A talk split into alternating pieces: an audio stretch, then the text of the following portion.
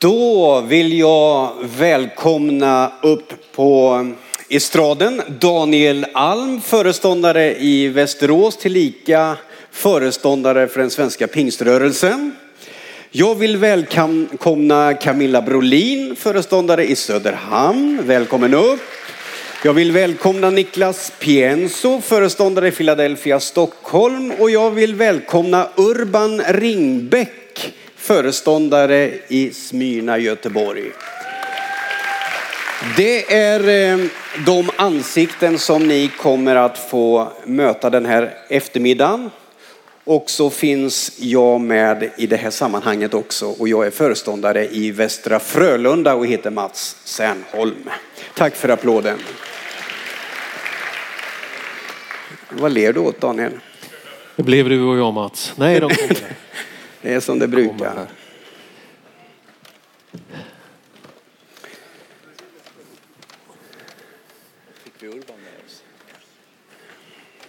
Så är det ofta att Ringbäck kommer lite när han önskar.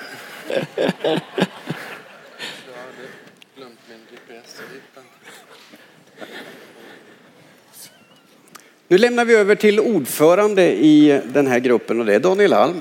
Tack så mycket. Precis som Mats säger så finns det en eh, referensgrupp, ett advisory board till föreståndaren för pingst och väljs ut av föreståndaren för att vara en avstämningsplats där vi för samtal om strategiska frågor och vägval för rörelsen. Så det här är fyra utav den gruppen och det finns ungefär, ja det finns väl tiotalet till så vi är en 13-14 stycken i den gruppen. Och några av dem är i farten och predikar här på konferensen och märks i olika sammanhang och några i de här forumen då. Jag har tänkt att vi skulle prata om fyra frågor i eftermiddag. Första frågan är ledarskap och demokrati. Andra frågan handlar om nystart, omstart, församlingsplanteringar, regional samverkan. Tredje frågan handlar om ekumenik och fjärde frågan något om internationella relationer. Det blir väl enkelt, det fixar ni fyra här och ger kloka, visa inspel på det. Det är exempel på frågor som kan komma upp i, i de mötena med pingstreferens. Jag tänker ledarskap och demokrati. Ja, men vi är i Sverige, vi är en pingströrelse, vi läser Bibeln, vi hittar någonting där av kallade människor, av en församlingsgemenskap, av anden och vi har beslutat. Och så är vi i 2019 års kontext. Församlingarna utvecklas, förändras också med globalisering och trender i tiden får man säga. Och allt är vår längtan den var att vara trogen Bibeln. Men så ska det här på något sätt fungera. Och när vi möttes i våras så hade vi ett samtal just om ledarskap, behovet av förankring, demokrati. Och i det läget så bollade jag vidare till Niklas Pienso att ja, men inleda det. Jag tänkte att du gör det här också. Ja, men vad tänker du när vi säger ledarskap och demokrati och vår rörelse just nu? Och då när ni nu sitter och lyssnar så tänker jag att ni hör vårt samtal, men det här kan ni med fördel ta med er hem till era lokala församlingar och fortsätta samtalet om. Jag uppfattar att i pingströrelsen finns det tre mandatnivåer där beslut kan fattas, där makt hanteras på lite olika sätt. Men vi har möjligen inte kommit riktigt klart med hur det fördelas. Det första är ju föreståndaren eller första, ingen ordning egentligen, men en föreståndare är ju en funktion. Där finns ju, där finns ju kraft att fatta beslut. Vi har en historia av starka föreståndare. Predikanter, ledare som vi ofta benämner. Det var under Heineborgs tid eller något sånt och då är det föreståndaren man nämner. Det där har följt oss man brukar ibland kalla det här den episkopala ledarstrukturen. Ledarstyrd, ledarledd kyrka, det är vi. Det är vår historia. Sen finns en nivå till och det är den vi kallar äldsteråd eller styrelse eller församlingsledning. Den kallar man ibland presbyteriansk. Det har vi ju inte använt så ofta. Men vi har erfarenheten av starka lokala ledargrupper som fattar beslut, driver församlingen framåt och är exekutiva. Och så har vi en tredje nivå som är församlingsnivån. Den kallar man ibland kongregationalistisk. Episkopal, presbyteriansk, kongregationalistisk. Det vill säga det är församlingen och församlingsmötet som ska fatta beslut. Sanningen om oss är att vi har alla tre och vi har kanske inte alltid sorterat ut de här. Ibland har vi en stark föreståndare och så funkar det bra och vi är nöjda. Och så försvinner den föreståndaren och då rullar makten någonstans vidare. Ibland är det ett kraftfullt församlingsmöte. Men vi har ju varit med om de här olika situationerna. Några församlingar i vår rörelse, de är väldigt episkopala, andra är väldigt kongregationalistiska. Men jag tror att vi ibland behöver fundera på och samtala om hur fördelas den här makten? Har vi pratat om det? Är alla medvetna om vem kan fatta vilken sorts beslut? Är vi, är vi tydliga med det? Det är liksom första mm. samtalspunkten jag tycker man behöver prata om. Hur, hur långtgående beslut kan du fatta Camilla? Ja, alltså jag har en jättebra församlingsstyrelse, alltså våra äldste. Och så har jag världens bästa ordförande också som jag bollar mycket med. Eh, han hjälper mig så mycket för jag är inte någon styrelsemänniska, jag har inte koll på allt så. Men han är min högra hand, Anders Ramstrand. Men sen, eh, vi bearbetar mycket i vår församlingsstyrelse och vi har församlingsmöte en gång i månaden. Så jag känner att jag träffar min församling mycket. Och vi har ju bearbetat beslut och förslag som vi kommer med till församlingen och vi har samtalsgrupper och så. Så Men där Niklas, tar vi våra beslut. Niklas, är det du eller är det församlingen som bestämmer i Philadelphia? Tänk efter innan du svarar. det här sänds väl inte hoppas jag. Nej men det är klart, i Philadelphia finns en, en lång historia av starka föreståndare. Och jag tror att i vår struktur, en stor församling med verksamhet på många olika områden, 50 anställda, så är det ganska viktigt att det finns en stark föreståndarfunktion. Så det är klart att jag fattar tillsammans med kollegor eller själv väldigt många beslut. Mm. Så, så, skulle jag säga. Så det där, jag skulle säga, nej men det där låter som en presbyteriansk ordning. Vi har tydliga inslag i Philadelphia av det episkopala förkroppsligat genom mig. Men sen finns det ju i våra stadgar några frågor där det tydligt klargjort att de ska tas av församlingen. Upptagande av lån, försälja, man ska sälja fast egendom. Och så finns det här lite eh, lömska och annan fråga av större art. Mm. Ja, men, det är bra. men det är ju inga vattentäta skott egentligen tänker jag. För när du säger presbyterianskt och en äldsteledd kyrka så, så har vi sett föreståndaren som den främste bland likar, primus inter pares. Man är en av de äldste skriver aposteln Paulus. Jag själv är en av de äldste, men ändå den främste. Så man lever ju inte i boxar kanske heller utan det måste harmonera. Urban, jag uppfattar ju att du är den som ändå i pingstreferens, i debatter ändå viftar med flaggan delaktighet, församlingsförankring, tid för processer. Stämmer det? Eh, ja, det var kul att du sa det. För jag lite känner igen mig i att jag säger att få sakta i backarna om vi börjar och liksom drifta iväg helt och hållet från den, vad ska vi säga, också det demokratiska arv som vi som folkrörelser är. Alltså vi har någonting i att vi var med och banade väg för det välstånd och det väl fungerande system som vi har i vårt land. Eh, där baptisterna än idag ståtar ju med att eh, den första baptistförsamlingen eh, var också den kanske första organiserade föreningen där en man och en kvinna Eh, hade en röst var. Alltså varje medlem fick vara med och vara delaktig. Sen har det runnit mycket vatten under broarna. Det jag tror du beskriver eh, Niklas, det är ju någon slags representativ demokrati i församlingen. Lite liknande så som politiken fungerar. Det vill säga vi del, delegerar ansvaret eller överlåter ansvaret när vi väljer en styrelse och en ledning, Eh, församlingsledning. Och så eh, ska vi inte ägna oss åt cykelställsfrågor och sådana saker i församlingsmötet. Men när det krisar i en församling Då är det ofta ändå en stor räddning i att det finns någon slags bärande församlings eh, demokratiskt forum. Det har många nya, även nybildade församlingar fått erfara. Eh, att det behövs en förankring, det behövs liksom en, en delaktighet. Demokratisk process. Mm. Ja, en demokratisk process. Sen kan det se väldigt olika ut och eh, jag är medveten om att vi, eh, vi som gamla församlingar ärver en, en, en struktur som, som har sina rötter i 1800-talet. Och det kan vara väl värt att fundera på hur fungerar det idag? Och vi har ju alla ändrat oss så tillvida att vi har inte så mycket församlingsmöten.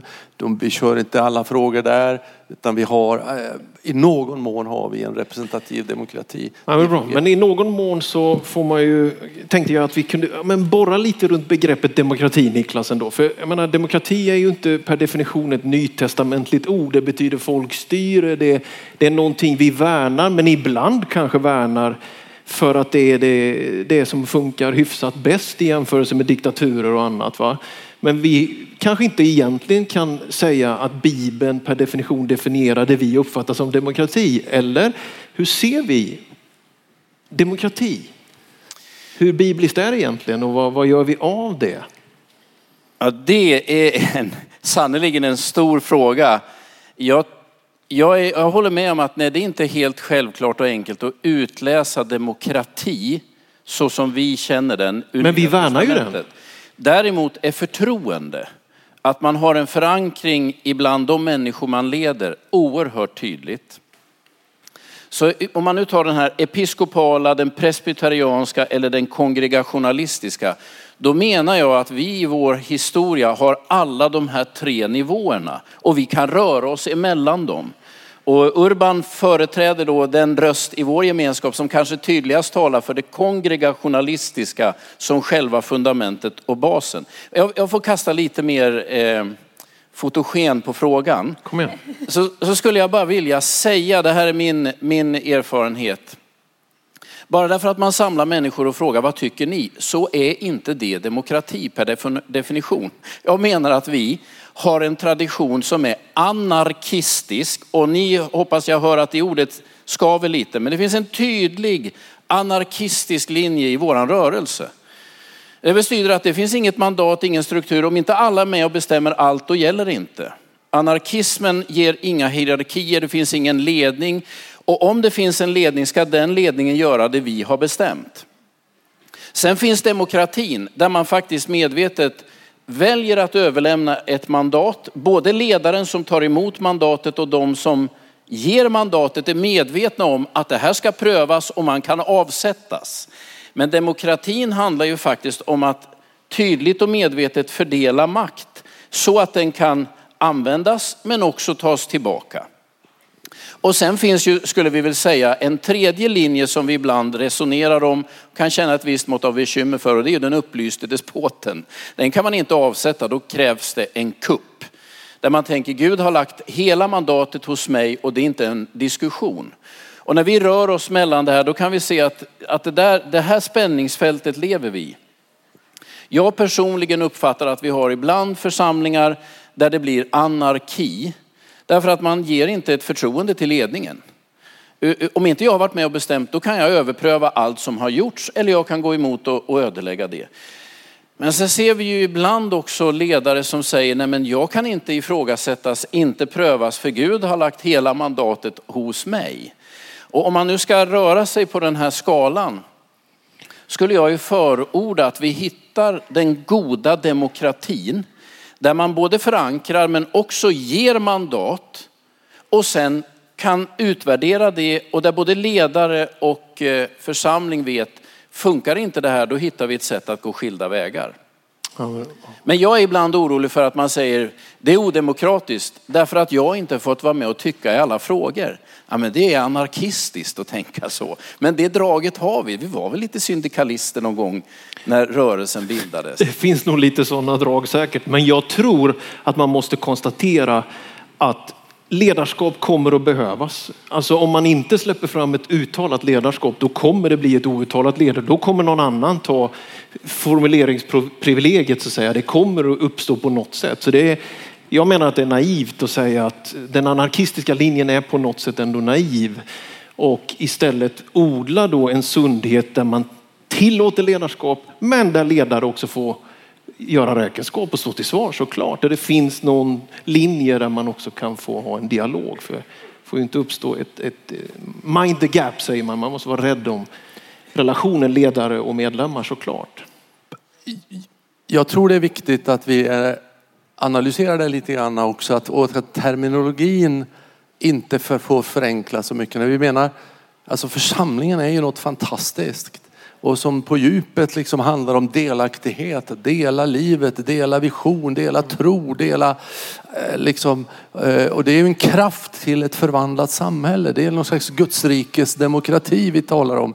Där varje människa har en roll att spela i Guds plan. Och vi får inte vare sig liksom döda den enskilda människans initiativ och vi får inte heller leva i anarki. Min första bibellärare, eller men ändå riktige som var nästan som en fader, han hette Carl Johansson. Han höll en mycket fin utläggning. Han sa församlingen är både teokrati, monarki oligarki och demokrati. Mm. Utifrån Apostlagärningarna 15. Det fanns en, mm. det var den helige ande som hade beslutat det. Det fanns en ledare som samlade ihop beslutet. Det fanns ett råd som beredde det och det var en församling som sanktionerade. Det är rätt fantastiskt. Underbart. Mats? Men oavsett vad vi har för, för ledarstruktur så vet vi när vi tittar ut över, över vårt land och vi har ju alla erfarenheter av att, att det är just på de här frågorna som det skaver rätt så kraftigt. För att vi har olika uppfattningar av hur församlingen ska ledas och hur frågor ska processas. Å ena sidan har man ofta då en grupp som har varit väldigt med länge och fått påverka mycket i olika sammanhang och som har en syn på hur församlingsdemokrati ska fungera. Och sen har vi en yngre generation ofta som har en annan syn. Och, och då gäller det ju, tänker jag, att som församlingsledning presentera vad är det för spelregler som gäller här? Vad finns det för förväntningar som är rimliga att ha? Så att man inte hamnar i det här ställningskriget som också kan bli ett generationskrig. Där de äldre tycker, det här var ett jättebra församlingsmöte, vi fick samtala och diskutera om så många frågor. Och ungdomarna de har krypit ut efter en kvart och tycker det här är totalt dödande för själen. Vi har ju valt er, lös det. Och att, att då hitta den här balansen i demokratifrågor också. Vad är det vi, vi gör tillsammans? Vad är det som är viktigt att förankra? Vad är det vi, vi jobbar med? Så att man inte får den där slitningen. För den, den kan ju gå riktigt illa faktiskt. Hitta syftet. Ja, Niklas. Nej, men det jag, jag menar att vi, jag vill ju säga att vi måste vara otroligt rädda om vår församlingsdemokrati. Och, och, då menar jag att vi behöver hålla stången mot anarkin. För det är den som ödelägger våra församlingsmöten. Absolut. Där folk tror att man bara kan säga vad som helst, när som helst, om vad som helst. Men det är ju inte demokratiskt, det är anarkistiskt. Och därför skulle jag vilja säga till alla er som är församlingsledare, ni sitter i en församlingsstyrelse, föreståndare eller ordförande, stå på er. För eran roll är ju att på något sätt leda församlingen gemensamt i beslut. Men så är man osäker, man tänker ja, jag kanske är odemokratisk när jag säger vi tar inte upp den frågan nu. Men det är ju en ordförandes och en församlingslednings roll att sätta agendan.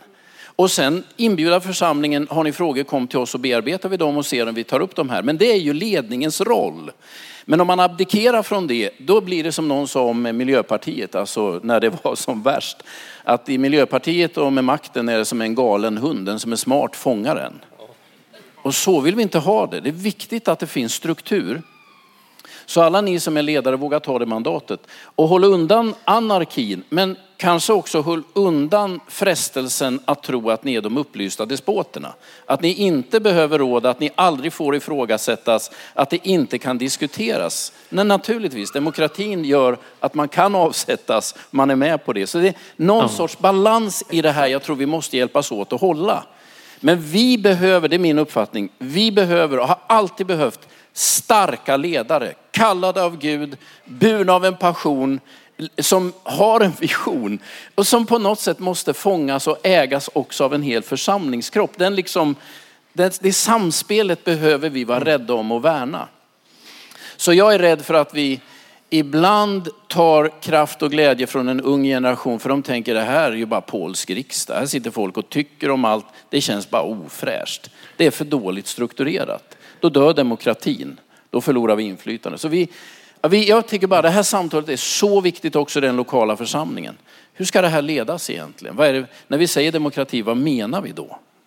Var det inte något av de andra partierna som sa att vi, om det var vi i Centerpartiet har alltid velat och vi fortsätter att vela. Det är väl en risk för. Alla ni miljöpartister, ingen skugga över er. Där... Nej, jag kände att jag behövde balansera det lite grann. Mats. Tack för den bryggan, jättebra. När vi sitter och diskuterar så, så vill vi ha en miljö i församlingarna där man ska kunna väcka egentligen vilka frågor som helst. Sen är ju frågan hur vi förbereder det och hur vi gör det.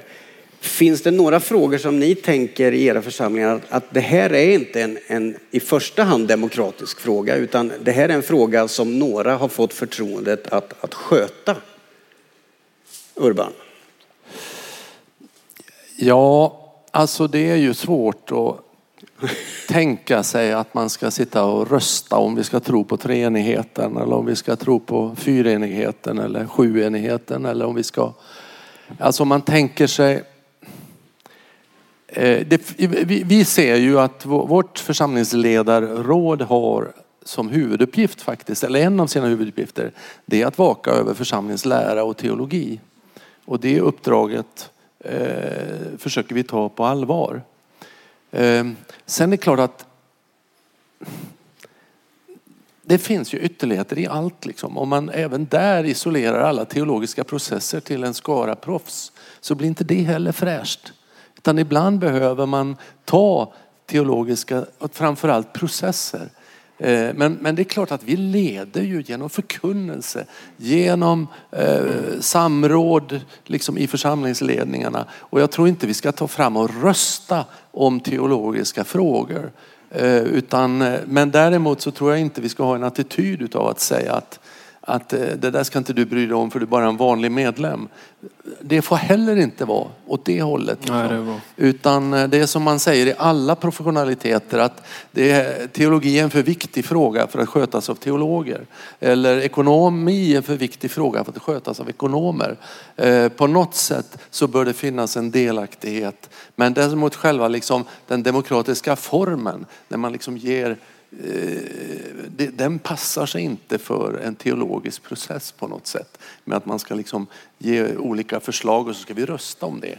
Eh, någonstans, va? Där gick gränsen för dig också Urban. Hörrni, tack så mycket. Vi ska gå till fråga två.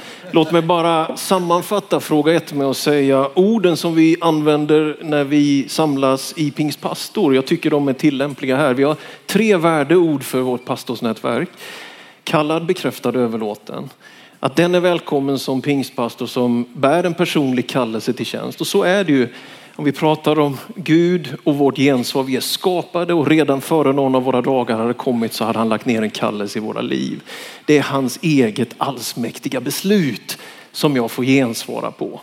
Sen finns det en bekräftelse. En ledare växer fram i församlingen. Vi lägger våra händer på henne eller honom. Och posten Paulus säger till Timoteus, gör det inte för snabbt. Då. Det handlar om att ge det tid och man får växa in i ett tjänande och också i ett ledarskap. Och så det tredje då, överlåtelsen till gemenskapen bland pastorerna. Jag tänker att någonstans rymmer de där tre orden lite av det här teokratiska, demokratiska och den mylla av liv vi ändå vill vara. Gud kallar, Gud väljer vem han vill och han frågar ingen om lov och han sätter inte till någon kommitté för det. Utan det är allsmäktig Guds eget beslut. Men det finns ett gensvar, det finns någonting av en bekräftelseprocess som vi alla mår väl av att leva i. Det är så det är tänkt, det stavas församling.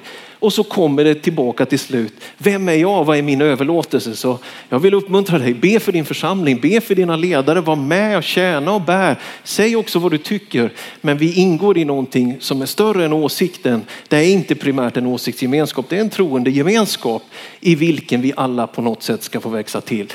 Punkt för fråga ett. Nu kommer punkt, eller fråga två. Jag vänder mig till Camilla. Du får ge, tror jag, ett lokalt exempel från Söderhamn. Vi ska prata lite om församlingskonstellationer, omstart, nystart, kanske något om plantering också.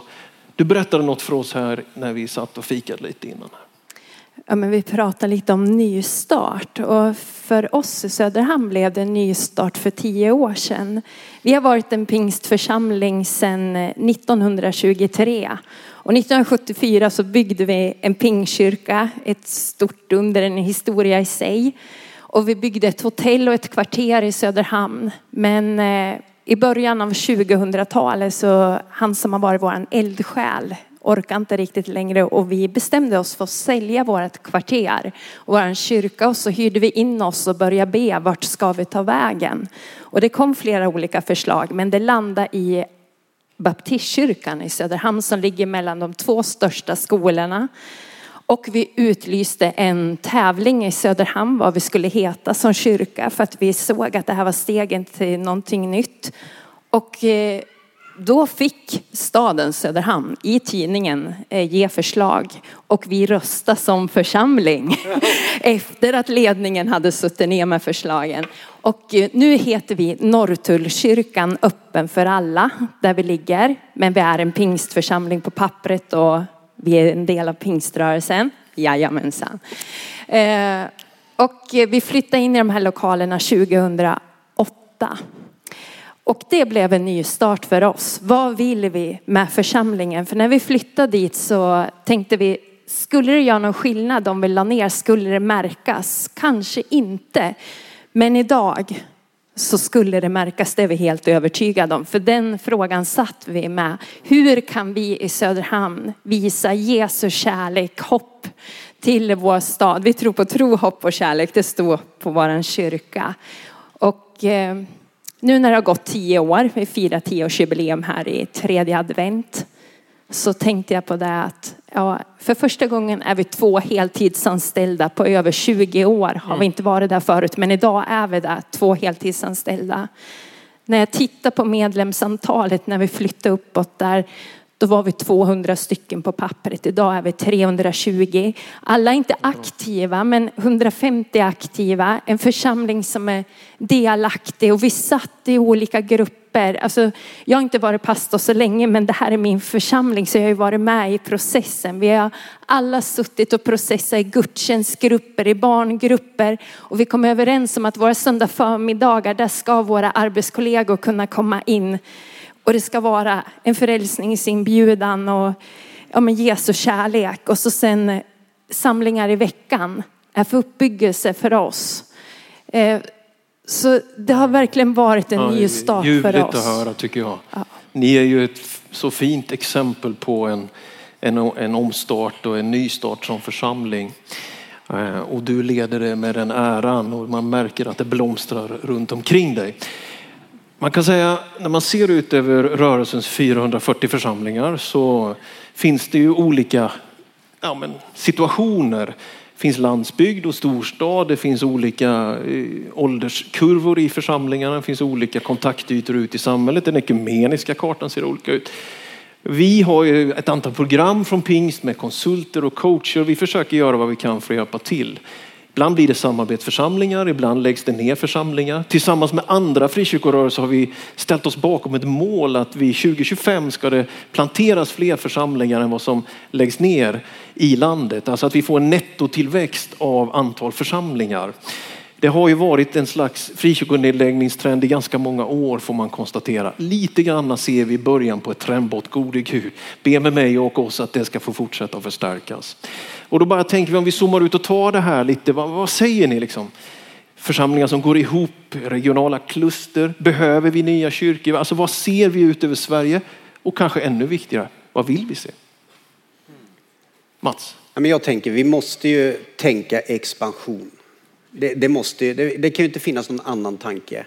Och då vet vi ju att eh, om vi kan få till fler församlingar på platser där det idag inte finns församlingar och också fler församlingar i städer där det redan finns församlingar men där vi har stora vita ytor. Jag tänker så här, när jag växte upp i Karlskoga så var det så här att vi hade en jätte, jättestor söndagsskola som bestod av att vi hade spridit oss ut över staden och var inte alltid bara på en plats. Vi var i varje liten stadsdel, i varje grundskola som fanns i Karlskoga.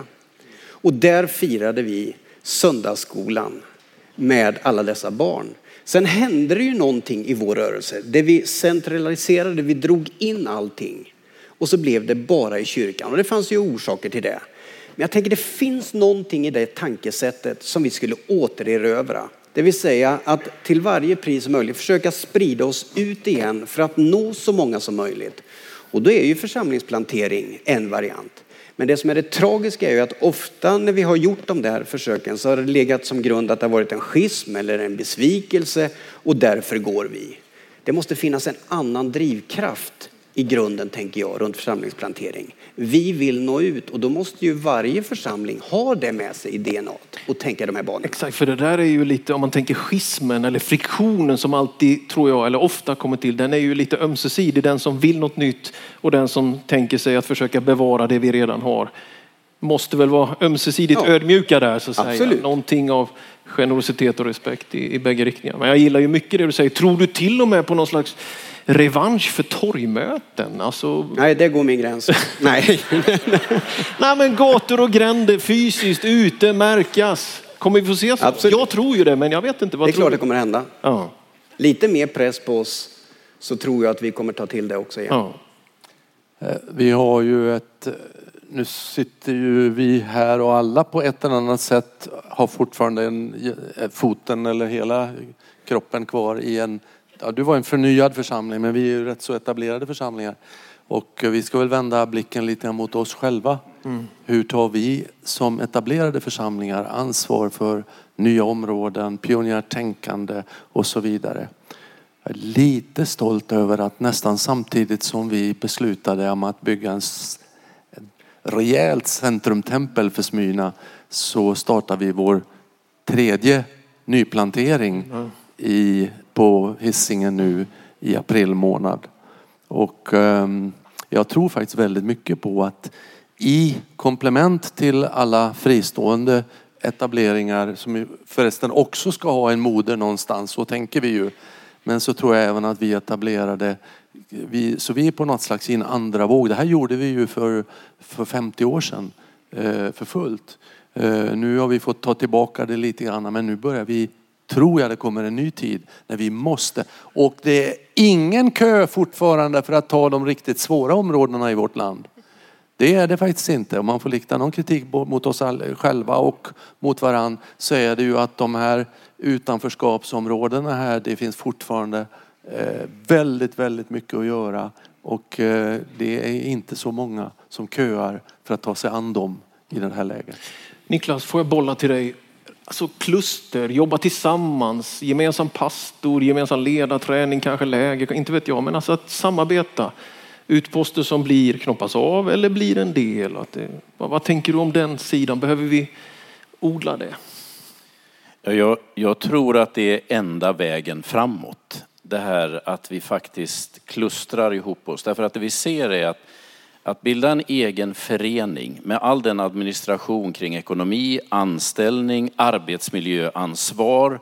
Alltså det är många sådana här frågor där vi också underkastar oss samhällets restriktioner. Och vi, vi har ibland tänkt, nej, nej det där gäller inte oss. Jo, det gör det. Eh, och vi, vi skulle nog bättre sköta det gemensamt i lite större gemenskaper. Och jag uppfattar nog att många i en yngre generation tänker, ja men vi, den tid, det lilla tidsfönster jag har av, av tid att skänka in i församlingen, ge till Guds verk, då vill jag jobba med barn eller med ungdomar. Så vi har ju så svårt att rekrytera styrelsefolk. Det tror jag ni alla känner igen. Det är ingen kö i alla fall. Så jag, jag tänker vi, vi skulle behöva hjälpa varandra att lösa de frågorna, hitta en struktur för det. Så att vi frigör mer kraft till det rena församlingsarbetet. Och då, då inser jag, att då är kluster nödvändigt. Mm.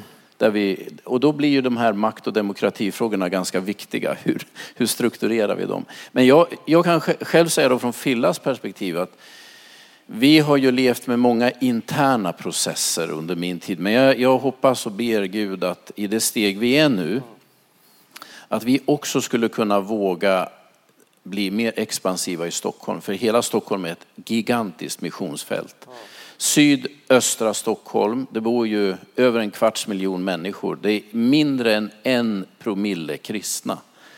Det finns få områden med så få kristna i världen.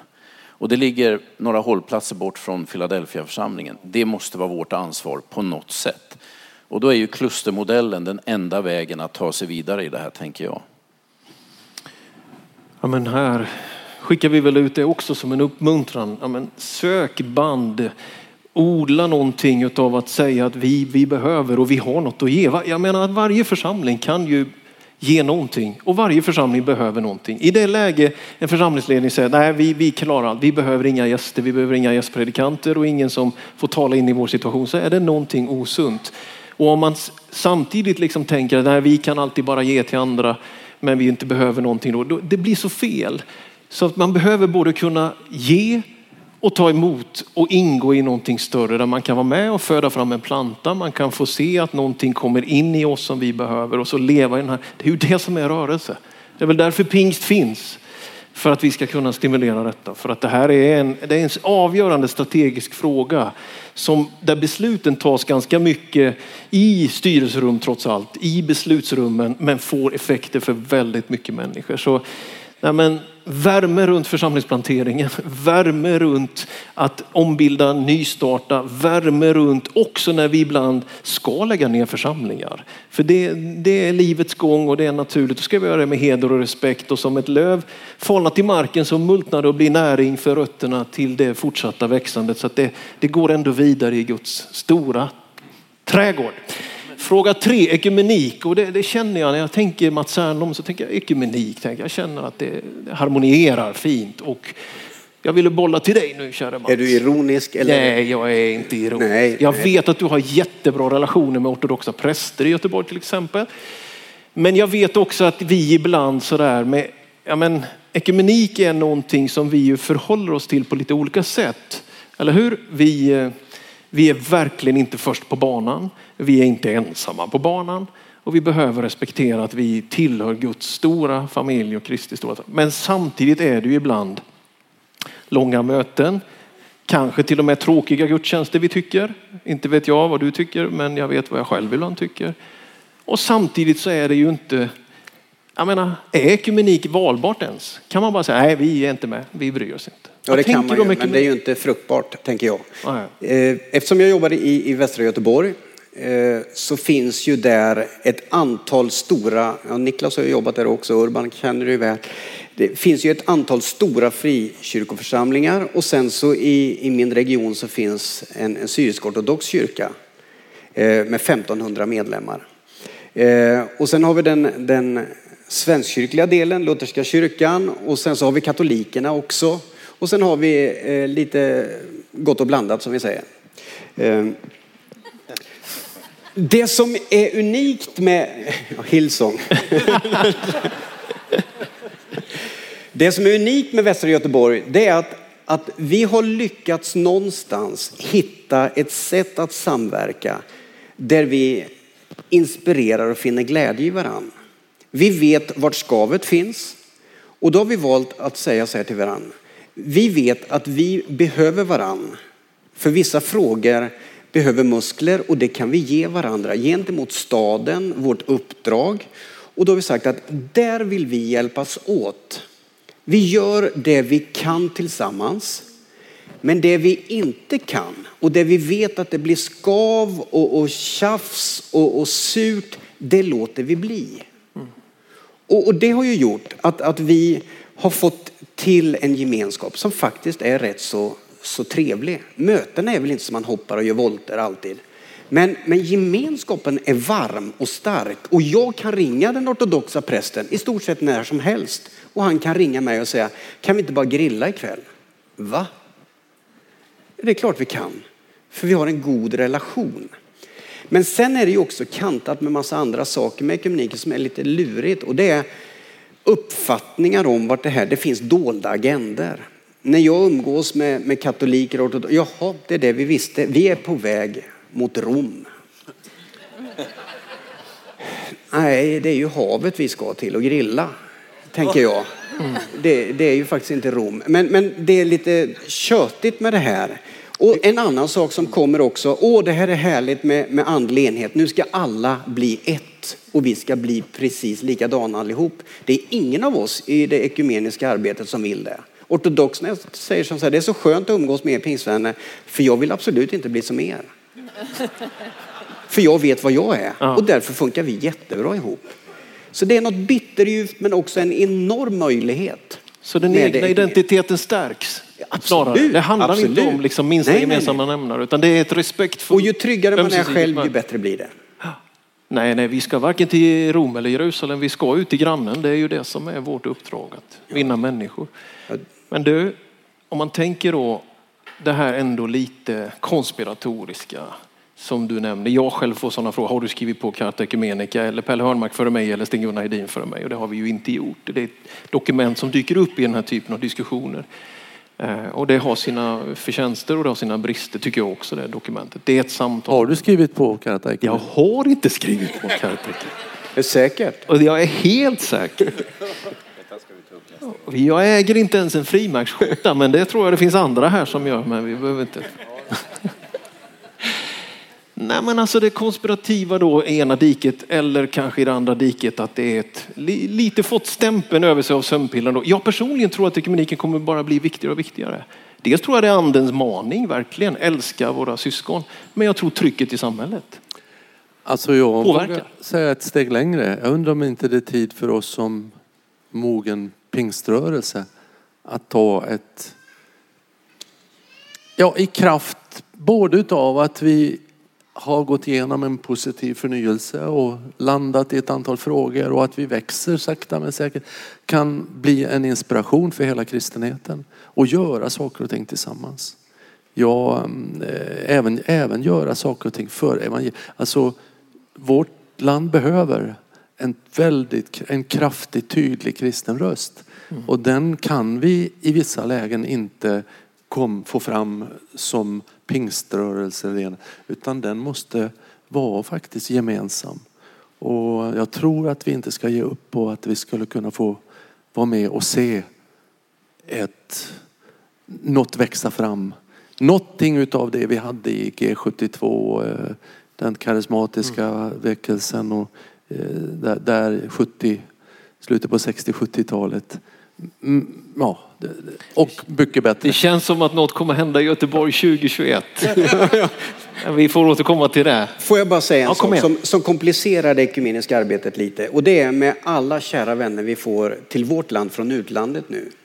Som, som kommer och som har med sig en erfarenhet i- ifrån olika grupper. Både ortodoxer och katoliker och andra. Alltså att man kommer från ett sammanhang där det har varit otroligt frostigt och man till och med har varit både jagad och förtryckt. Och så kommer man hit och här är vi, vi umgås och vi fikar och vi, vi gör saker. Där finns ju en, en, en, ett skav som jag tror man ska vara medveten om och vara noga med att förklara vad det här går ut på. Situationen är annorlunda här Absolut. än i väldigt många av andra Absolut. länder. Vill du säga någonting Camilla om Men jag tänkte i Söderhamn när vi tänker det ekumeniska så har vi fokus på det som förenar oss, nämligen Jesus. Vi har lämnat de teologiska frågorna som vi kanske tycker lite olika i och så har vi satsat tillsammans när det har varit stora saker i Söderhamn eh, vid skolavslutningar eller som nu sponsrar kyrkorna i Söderhamn att vi kan åka hit ett helt gäng med ungdomar. Det gör kyrkorna i Söderhamn tillsammans och möjliggör för den här veckan för våra ungdomar. Så jag tror det är viktigt, vad förenar oss? Vad kan vi göra tillsammans för att sprida gott i vår stad? Och för oss är det Jesus det vi har gemensamt. Jättebra. Och får jag lägga ut ett bönämne då så genom att vi också på Riks har formerat oss, har det pingst som vi har idag, kan vi vara en röst. Och genom Sveriges kristna råd, där jag är en av dem som är med i den styrelsen, så på, kommer vi vara några kyrkoledare som möter utrikesministern på onsdag. Be gärna för det mötet att jag får vara ledd av Gud, kunna säga någonting som är rätt och riktigt och, och väglett av Herren. Sista frågan, Urban. Du berättade någonting från Kongo. Det får bli en internationell utblick och jag tror den lite grann knyter tillbaka där vi började med ledarskap och demokrati. Kan väl testify? Ja, jag får ju en, eh, en enorm fråga, nämligen hur det allmänna internationella perspektivet. Och att vara pingstvän, det är ju per definition att vara en världsmedborgare i dessa dagar. För vi är en global kraft. Vi är en del utav den, vi tillhör den klassiska pingströrelsen. Men genom andens förnyelse så är vi en del utav något, något enormt eh, över hela världen. Och eh, vi kanske snart kan få säga att nu växer det också här i, Europa. Eh, så som det växer i syd. Vi hoppas på det. Det är ju syd och kyrkorna i, där som idag är den stora inspirationskällan för tillväxt. Eh, eh, samtidigt så ska jag berätta en liten sak som har att göra med det första med demokratin. Ja, vi jobbar ju mycket i Kongo. Eh, ni vet att det är ett av världens absolut fattigaste länder och det är den sämsta infrastrukturen och den kanske mest korrupta demokratin. Vi känner till det genom Dennis Mukwege och så vidare som har talat klarspråk om det här. Där finns en pingströrelse i delar av Kongo som är på 1,2 miljoner och så liknande ser det ut i Burundi och Rwanda och, mm. och i central i den delen. Och det kommer från Sverige. Det är, det är, vi, våra missionärer som har varit med och grundat detta. Och eh, det är bland annat vi har lärt upp dem, det är demokrati. Eh, de är ju på många sätt som rörelse eh, mycket mer, eh, har mycket mer tydlig demokratisk struktur och ordning än vad vi själva har.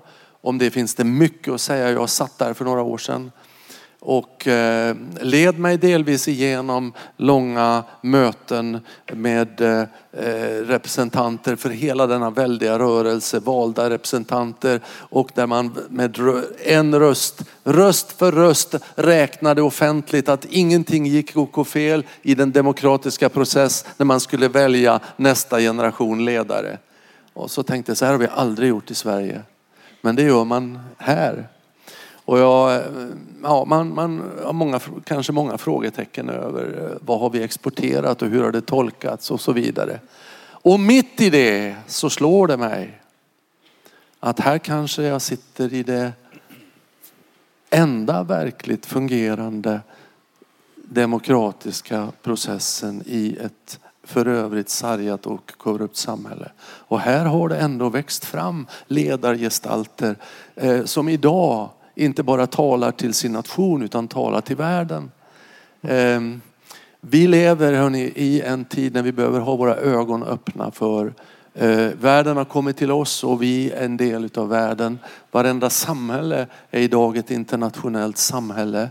Vår mission den kom till i en delvis annan tid. Nu kommer brödet tillbaka över vattnet till oss och eh, vi ska, tror jag, på ett sätt faktiskt lämna bakom oss eh, den tiden när vi såg oss själva som de som skulle liksom exportera allt gott ifrån oss. Utan leva i, en, i ett partnerskap. Eh, I en helhetssyn på vad det är att hjälpa länder och, och människor och folk till ande, själ och kropp. Och samtidigt vara med och ta emot, jag tror den andeström som kommer genom de människor som flyttar in i våra länder. Hur ska vi vara med som pingströrelse och fånga upp den strömmen mm. och göra den inte till isolerade eh, etniska församlingar bara i våra storstäder utan i bästa fall att bli dynamiska, mångkulturella församlingar där vi som födda i det här landet också kan uppleva glädjen av att dela gemenskap med våra trossyskon ifrån andra delar av världen. Så globalt, globalt lokalt blir glokalt. Vår mission är lika mycket idag eh, Rinkeby och Tensta och Gårdsten och eh, Hjällby, eh, Hjällbo. Eh, men det är också mission i långt borta i andra delar av världen som vi lever i ett dynamiskt förhållande till. Ja, men det är jättebra. Alltså jag känner nog att vi ska gå ner för landning nu. Jag tycker att du talade så väl. Det här är någonting vi lika mycket behöver som vi ger. Framtiden för svensk pingströrelse är väldigt mycket avhängig våra internationella band. Att någonting får strömma fram och tillbaka. Nej, men jag tror Mats att vi eh, tackar Pingstreferens för det här samtalet och hoppas att det har varit en vettig inblick i hur de här processerna pågår och att det har gett några kon för fortsatta samtal i era församlingar. Tack så mycket. Gud välsigna.